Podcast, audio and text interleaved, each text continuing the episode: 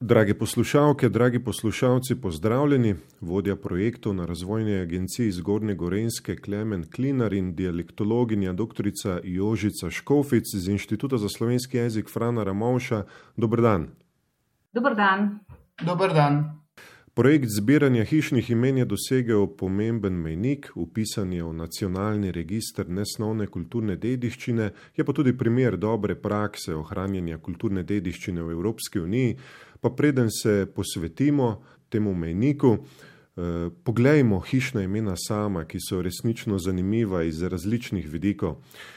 Hišna imena označujejo hišo ali celotno posest, kjer prebiva neka družina.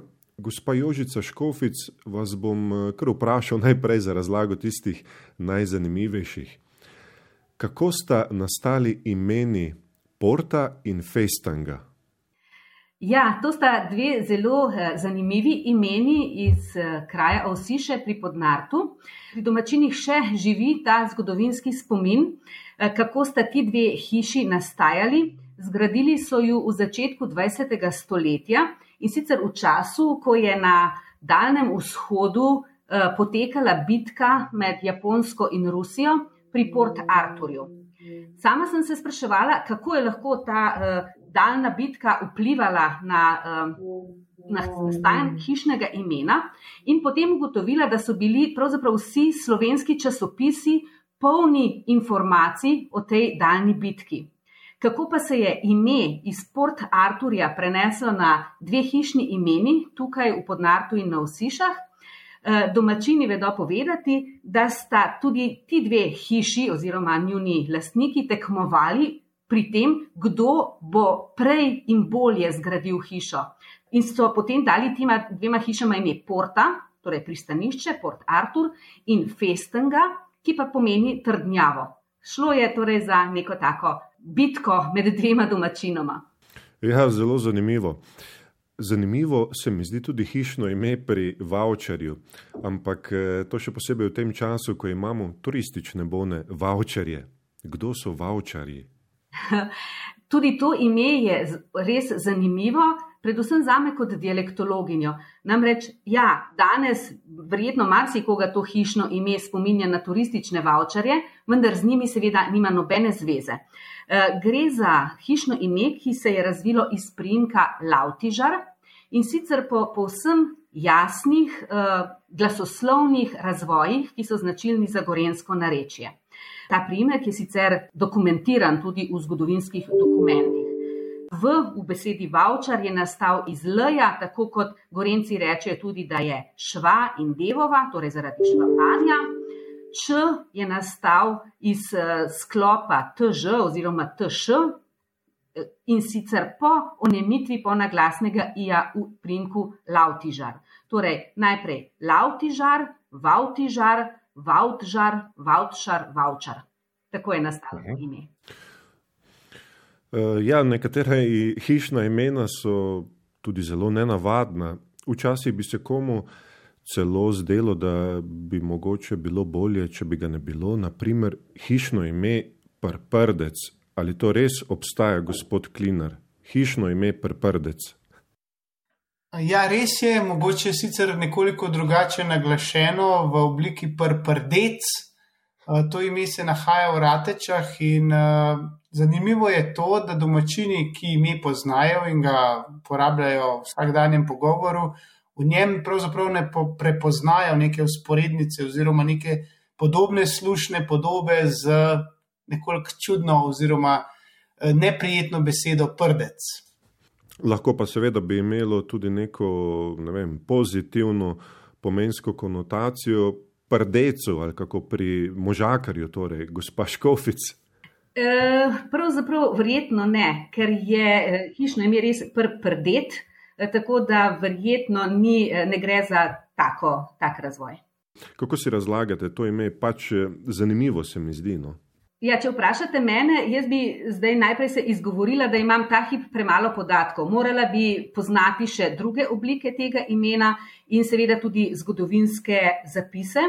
Če pa je ime res tako, kot je povedal sogovorec, torej če ima tako motivacijo, je seveda to ena od mnogih možnih motivacij za nastanek hišnega imena. Namreč mnoga hišna imena so nastala tudi iz vzdevkov katerega od lastnikov. Vzdevki pa seveda označujejo različne telesne in e, psihološke lastnosti ali kakšne druge lastnosti svojih nosilcev, tako da ne bi izključila no, tega izvora, te motivacije.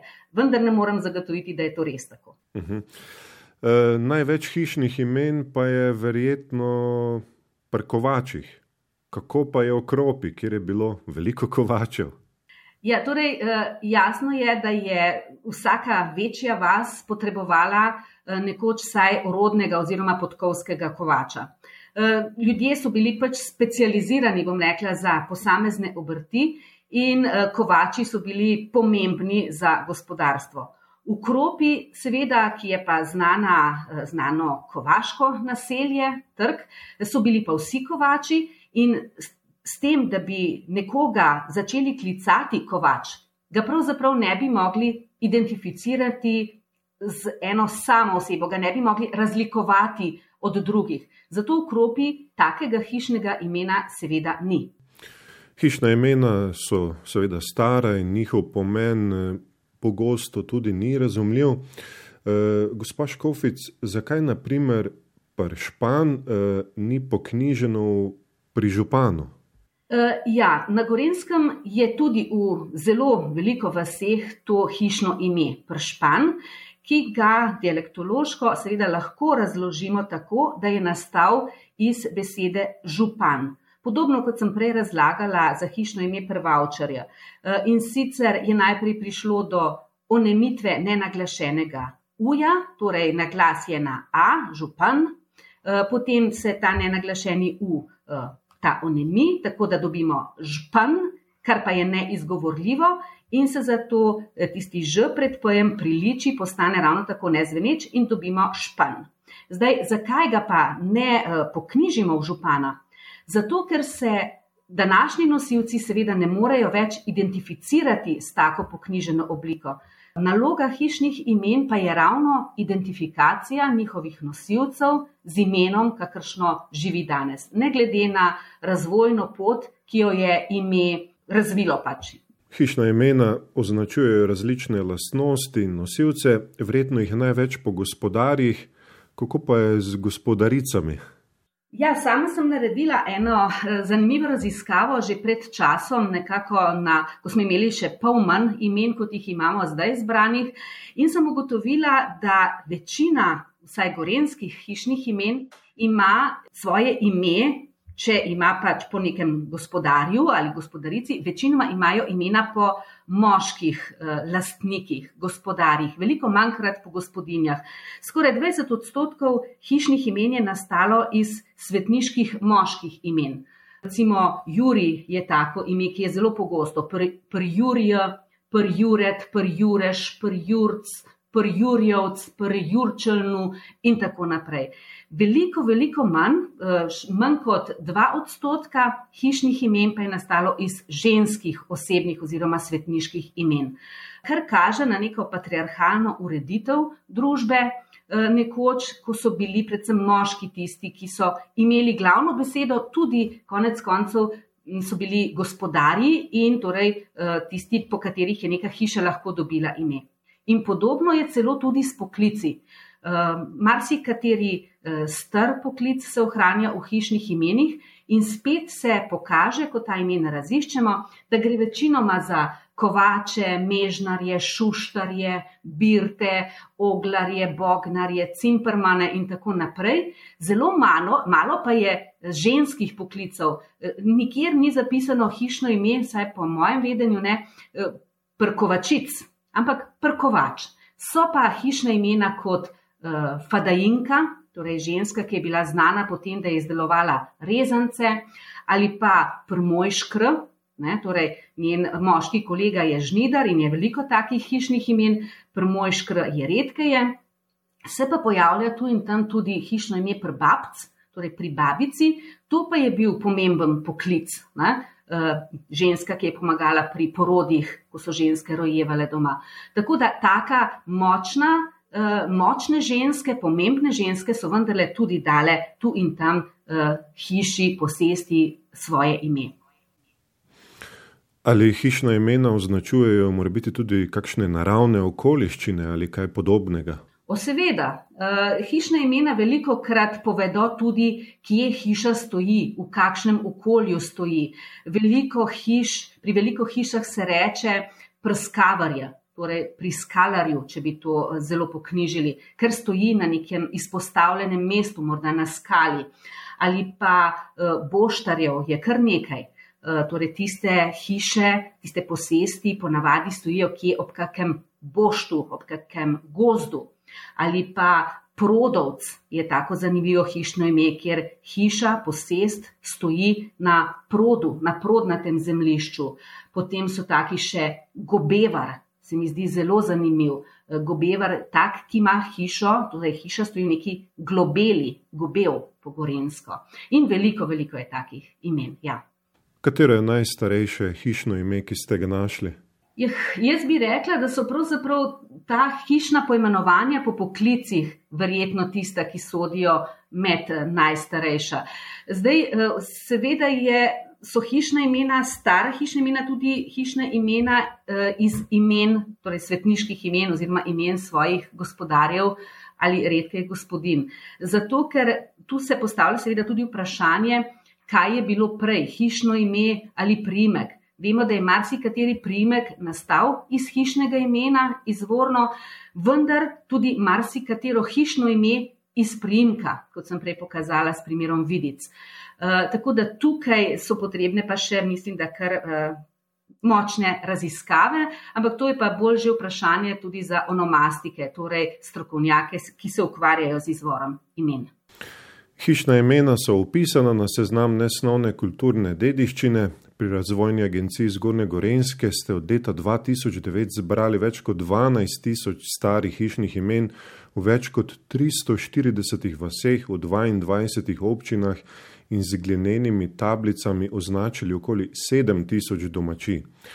Hišna imena so v umestnem obdobju zamrla. Tudi tukaj vidimo nek zanimiv proces, po katerem je neka identitetna vsebina, ki so se je ljudje mogoče kdaj tudi sramovali.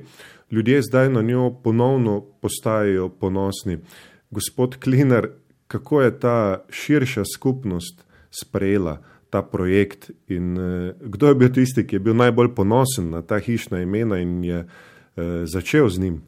Ja, um, Hišna imena je res, eh, so nekoč mogoče v polpretekli zgodovini označevala takrat mogoče manj vreden ali zaničevan kmečki sloj in zaradi tega se je ta dediščina mogoče zavlekla tudi eh, v recimo sodobni čas. Vendar pa menim, da ravno z našim projektom se ta mentaliteta oziroma ta miselnost spreminja in uh, domačini so na nje ponovno ponosni, ker kažejo na to, da ima njihova hiša, njihova družina v kraju neko zgodovino in veljavo. In uh, recimo pri našem delu ugotavljamo, da pravzaprav težko opredeliti človeka ali pa nek profil človeka, ki je na svoje ime najbolj ponosen. Ker lahko tukaj govorimo od starejših domačinov, ki so na svoje ime ponosni, vendar jih mogoče na nje gledajo preveč logično oziroma preveč enostavno za njih to obstaja in se jim, zdi, se jim ne zdi nič posebnega.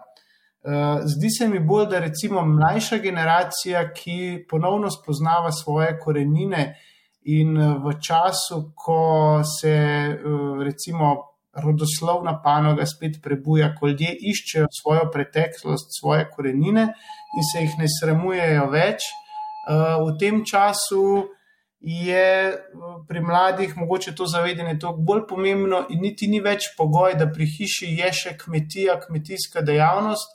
Lahko je to danes, danes popolnoma nova montažna hiša, kjer lastniki še vedno, recimo s ponosom, označijo hišo s hišnim imenom in nekako sebe poistovetijo s tem imenom. Uh mhm. -huh. Povejte nam anegdoto iz Gori, ki pričuje o tej pozitivni rabi hišnih imen. Tako je. V, v naših projektih vedno sodelujemo tudi z osnovnimi šolami, ker želimo, da tudi otroci spoznajo to dediščino in se je zavejo. Uh, in recimo zgodba, zelo zanimiva, ki priča o tem, da hišna imena vendarle so zanimiva tudi za otroke, je iz uh, osnovne šole Gorje. In sicer je bilo takole. Uh, otroci so v našem projektu sodelovali in po hišah raziskovali, spraševali domačine o hišnih imenih, o izvoru imen. Skratka, imena so spoznali, In zaradi te teme so si med seboj tudi začeli dajati vzdelke, nadimke po svojih domačih hišnih imenih. Nekateri otroci so bili vendarle doma iz hiš, ker hišno ime še imajo. In učiteljica, mentorica teh otrok mi je pripovedovala, kako nesrečni so bili tisti otroci, ki prihajajo iz novejših hiš, ki hišnih imen nimajo in si zaradi tega niso mogli nadeti nekega novega vzdelka, ki ne izhaja iz imena ali priimka. Uh -huh. e, koliko hiš ste skupno označili do danes in koliko jih še nameravate? Ja, e, pri označitvi hiš je tako. Zaradi posega v lastnino moramo vedno pridobiti pisno soglasje lastnika, da se strinja z namestitvijo table na hišo. In uh, tukaj vsak dobi z naše strani dopis s povabilom k podaji soglasja, in za to, za to označitev, recimo, po mojem mnenju, kar uh, do, uspešno se odloči cirka 60 odstotkov vseh lastnikov domači. Eh, zaenkrat smo označili točne številke, ne poznam, ker tudi številke se pravzaprav naraščajo iz meseca v mesec. Lahko pa rečem, da je trenutno na Gorenskem in delu osrednje slovenske regije označenih že več kot 7000 domačij. Kje je meja, pa ne vemo. Mi si želimo, da uh, s projektom pokrijemo, oziroma da se k projektu pridružijo čim širše območje, ker, kolikor vem, so hišne imena pravzaprav povsod po Sloveniji, samo da so oblike nekoliko drugačne. Mhm. E, da so hišna imena danes upisana na seznam nesnovne e, kulturne dediščine, imata verjetno največ zaslug vidva. Eh, gospod Klemen Klinar in gospa Jožica Škofic, verjetno pa seveda nista edina, ki zbirata hišna imena. Ne, zagotovo ne. Zdaj, samo dokumentacijo za upis v registr smo res da pripravili midva z Jožico Škofičevo, vendar eh, ne z mislijo samo na naš projekt na Gorenskem. Uh, upis enote raba hišnih imen v ta registr nesnovne kulturne dediščine je pravzaprav pripravljen tako, da vsa hišna imena, naj si bodo to že raziskana, zbrana ali pa samo v neki vsakdanji rabi katerega koli kraja v Sloveniji, so pravzaprav del te enote, torej rabe hišnih imen. In eh, po mojem poznavanju se podobne pobude rojevajo tudi po drugih koncih Slovenije. Poznan mi je primer iz Bovca, poznan mi je primer iz uh, Ljubljanskega barja in mars, najbrž še marsikje drugje. Uh, tako da ne, enota še zdaleč ni v narekovajih naša, ampak je pravzaprav slovenska in nekako pripada vsem, ki hišna imena imajo in jih uporabljajo v vsakdanjem pogovoru. Če tukaj lahko samo še eno misel dodam, tudi sam sem doma iz kmetije s hišnim imenom Pršimnovc in kolegi, čeprav nisem ostal na kmetiji, me še vedno kličejo z oddelkom Šimi, kar izhaja iz tega hišnega imena. In imena, vsaj jaz sem jih tako doživel, čeprav nisem še toliko star so pravzaprav tista, ki človeka spremljajo od rojstva pa do smrti. In tudi ne vem, najbrž drugot po Sloveniji, na Gorenskem je to precej pogosto, so imena tudi na koncu na nagrobnikih. Uh, pogostejša kot pa primki, ali pa vsaj dopolnjujejo podatek o hiši, torej na nagrobniku je hišno ime in priimek.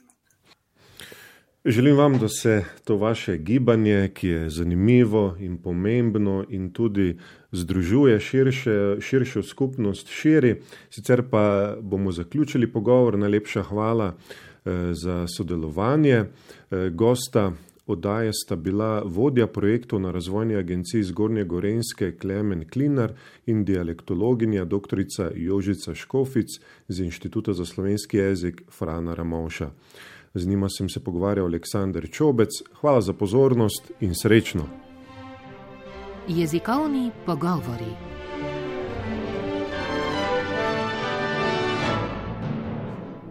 Oddaja o jeziku in jezikoslovju.